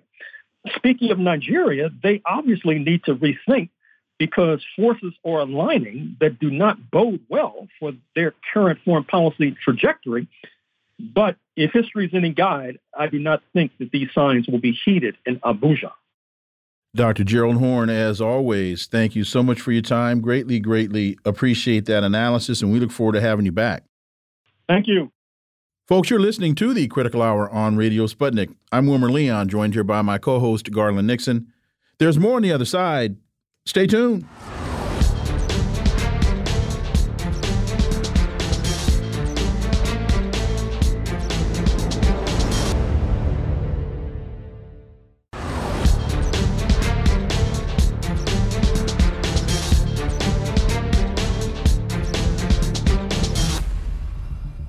We are back, and you're listening to the Critical Hour on Radio Sputnik. I'm Wilmer Leon, joined here by my co host, Garland Nixon. Thank you, Wilmer. Canada and the NATO alliance hunkered down to defend race war against Russia. The new evidence. For insight into this, let's turn to our next guest. He's a U.S. labor and human rights lawyer, uh, writer, and activist. He's been a peace activist throughout his life and has been deeply involved in the movement for peace and social justice in Colombia, Venezuela, Nicaragua, and other countries in the global south.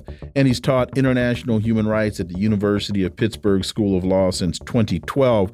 Professor Dan Kovalik, as always, welcome back. Thank you for having me.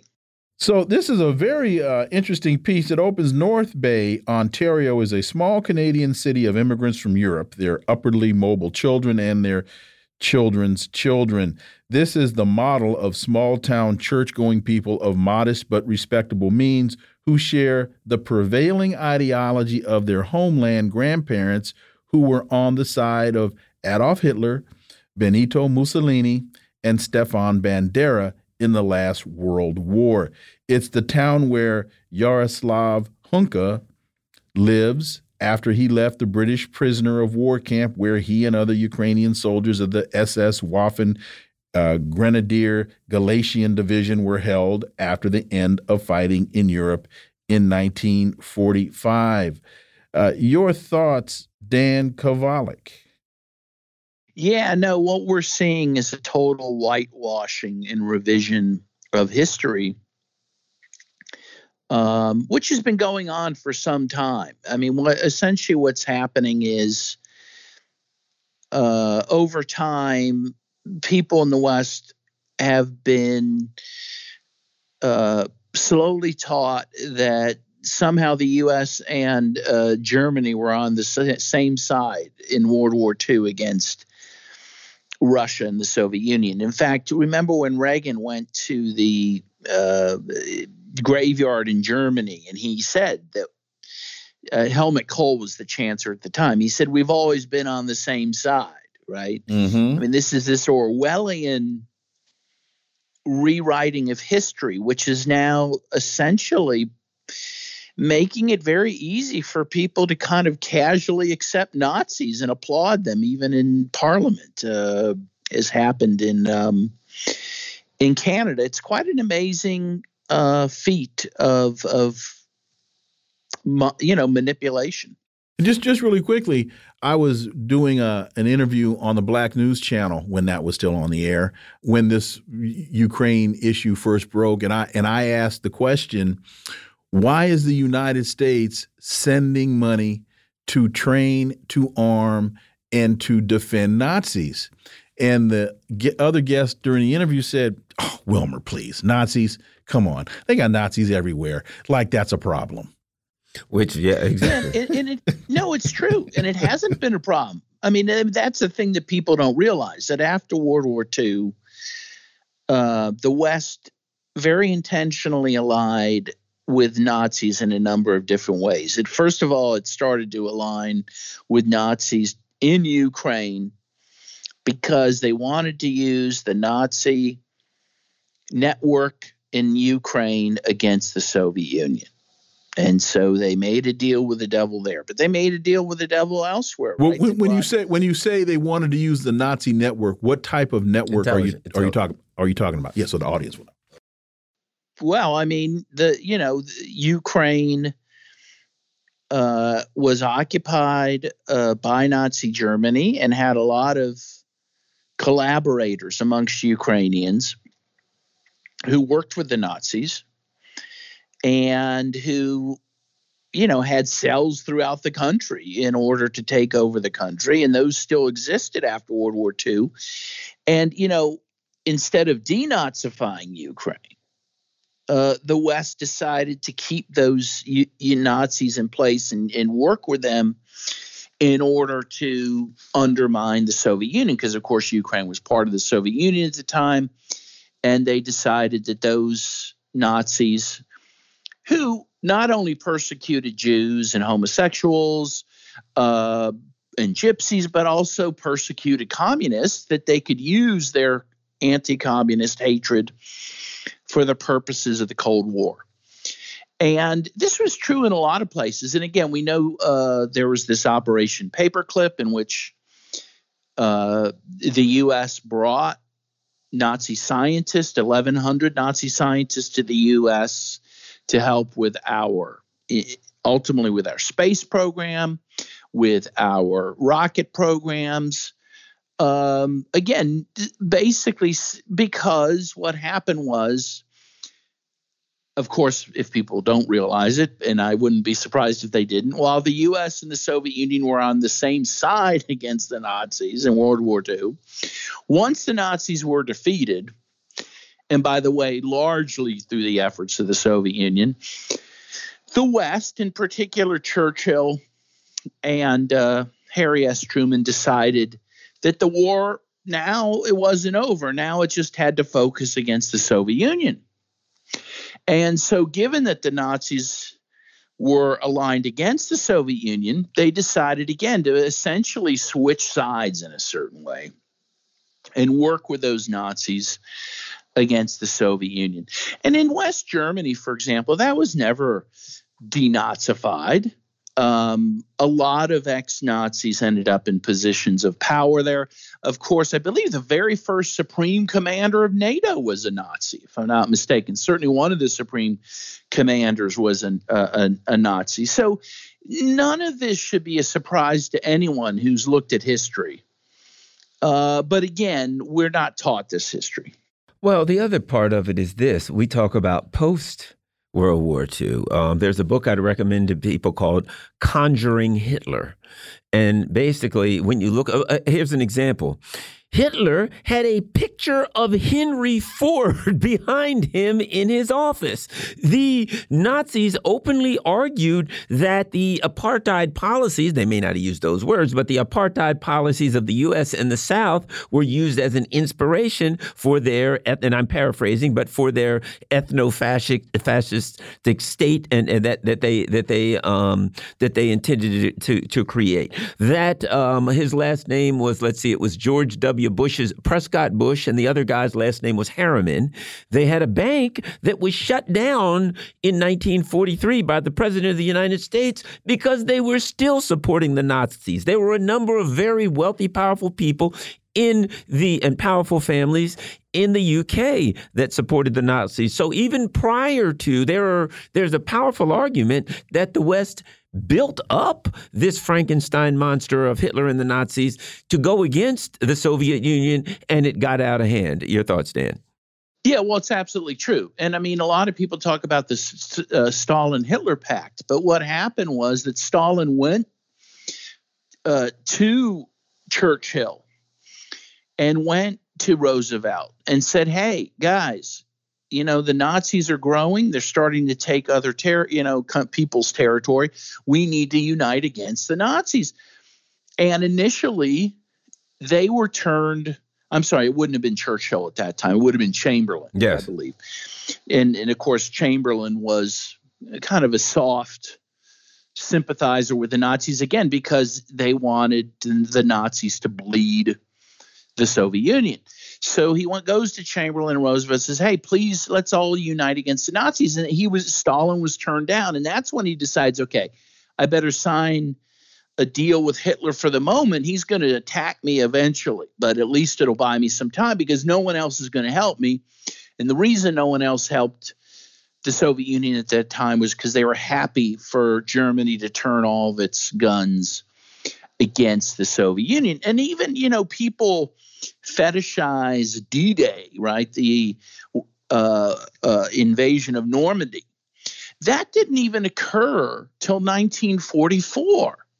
By that time, the Soviets had been fighting the Nazis for three years.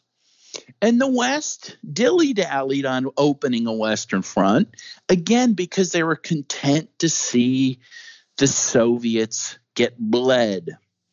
And when I say bled, we're talking about anywhere from 27 to 34 million Soviets who were killed uh, during World War II, and a th- third of their territory occupied and destroyed. Uh, but again, the West was happy with that. So, uh, you know, they wanted to do two things at once. Ultimately, yeah, they wanted to defeat the Nazis, but not too quickly. What you've just cited, in my opinion, provides insight into the difference of perspective on this at the beginning of this Ukraine issue. Why President Putin was so clear and so adamant about his security concerns. And one of his issues was denazifying Ukraine and how dismissive of his security concerns Joe Biden was. That wasn't Joe Biden being dismissive. That was American policy going all the way back to World War II. Absolutely. And before World War II. And um, that's a history that has been very obscured. Um, and I'm not sure can even be the true history can be recaptured amongst mm-hmm. the masses of people in the West anymore because it has been so rewritten to, to, to write it correctly now would be very difficult. In fact, uh, you know, if you see polls, even in Europe, which at least used to be cognizant of what had happened because they were there, right? Um, as the years have gone on, right after the war, and even in the US, most people realized that the Soviet Union had been really the g- biggest contributor to defeating the Nazis. But as time has gone on, that percentage has declined and declined. And again, mm-hmm. to the point where I think people are confused even as to which side the Soviet Union was on in that war. And you see strange references all the time. Even Blinken made a strange statement the other day about the Soviets turning a blind eye to Nazi atrocities. I'm sorry, you know, the Soviet Union defeated the Nazis and they liberated places like Auschwitz. And all that's been purposefully forgotten. Dan Kovalik, as always, thank you so much for your time. Greatly, greatly appreciate that analysis. And we look forward to having you back. Thank you very much.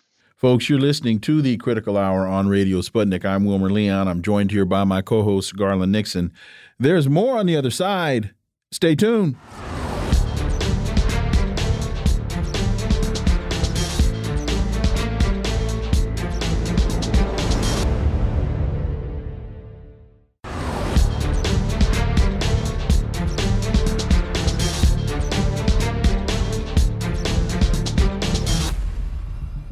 We are back, and you're listening to the Critical Hour on Radio Sputnik. I'm Wilmer Leon, joined here by my co host, Garland Nixon. Thank you, Wilmer.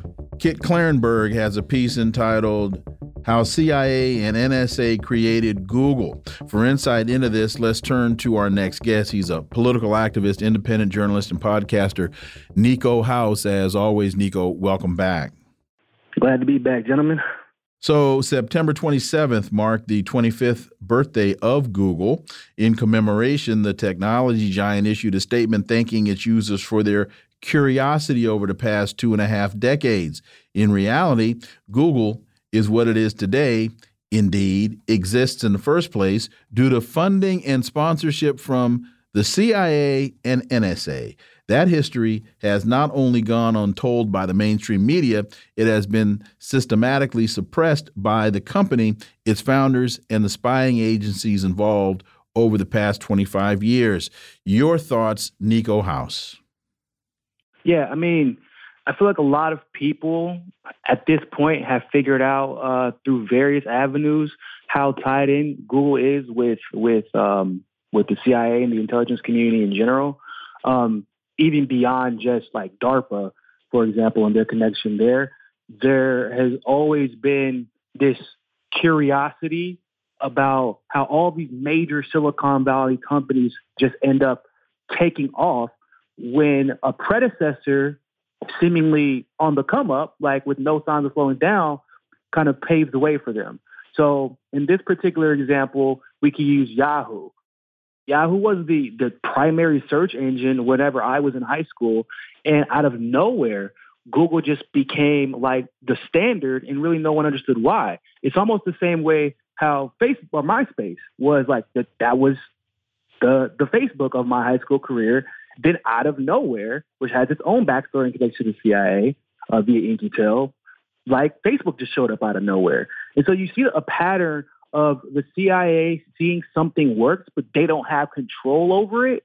And then they go out of their way to facilitate, and usually this involves some somebody in Silicon Valley, uh, a tech company and a group of people or individuals that can build something bigger because of the unlimited funding at their disposal uh, to overtake whatever that MySpace or that Yahoo um, or um, even NASA to some degree because you get SpaceX now. Um, whatever that may be, they want a version of that that they control, and that's what a company like Google gives them. You know, and, and when you look at that, it's interesting that you see the funding coming from the CIA and NSA going to various colleges. Oh, Stanford's doing something. Oh, MIT or whatever.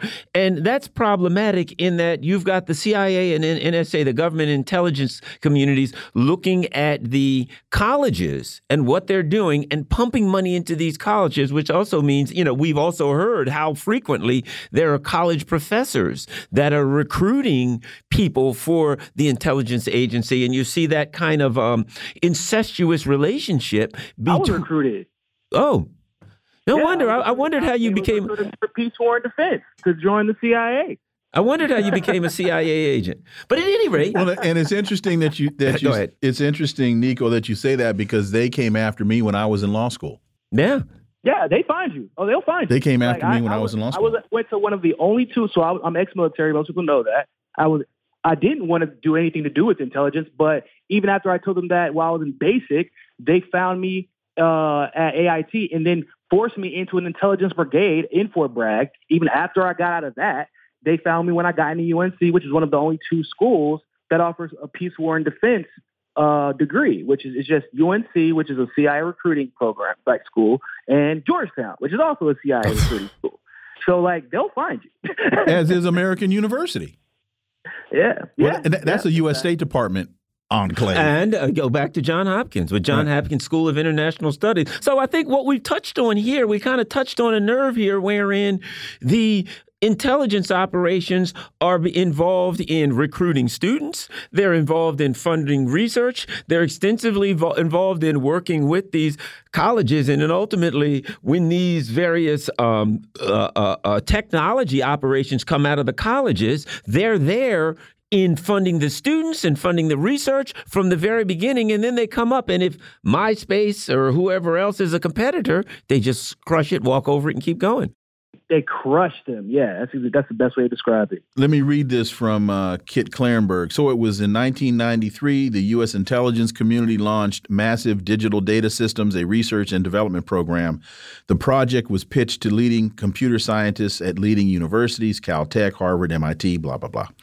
Change, and this is what they hoped to achieve. Changing demands require the IC intelligence community process different types as well as larger volumes of data. So, changing demands require they process larger amounts of data. This also strikes me to be right in line with the thinking of the gentleman that they consider to be the grandfather of propaganda, Bernays, Edward Bernays. Ed, Edward Bernays. This all seems to fit into the same mindset. Your thoughts? Yeah, yeah, no, 100 percent agree. I mean, the it's funny because whenever the the um, they had a program for the CIA, like like similar to like how they had uh, how they approached Google. They had, they had a program with the CIA, and their goal was to map everybody's um, not only what you look like now, but what you will look like in the future, um, what you have looked like, all your connections, where you've been, where you're going. And that program was killed actually the day the day after, or excuse me, the day before Facebook was announced. And then the the, the I can't remember her name, but she was the head of the program. and she ends up working for Facebook. Wow.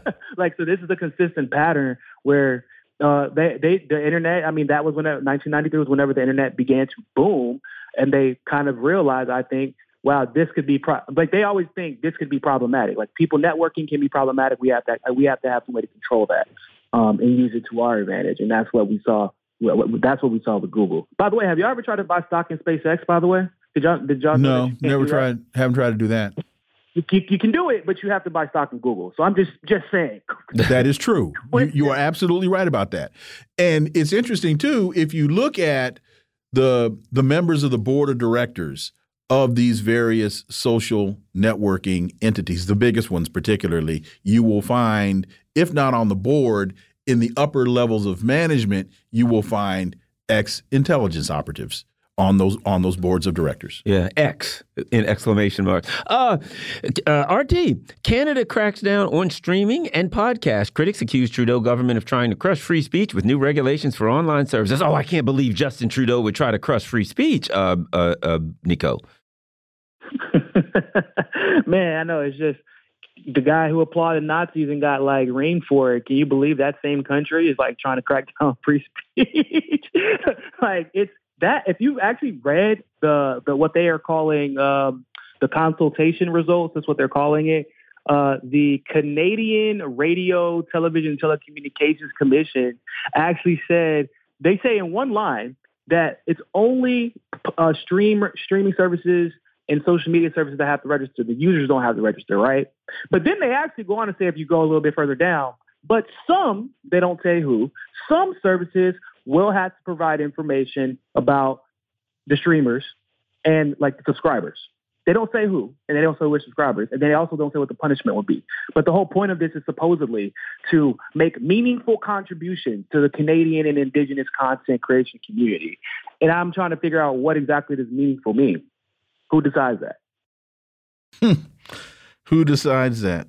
There's also an interesting piece as it relates to Canada. Canada launches UN declaration targeting online quote unquote disinformation. Canada has launched a UN declaration that calls for action to protect what it calls information integrity and to tackle disinformation. Now, that's Canada.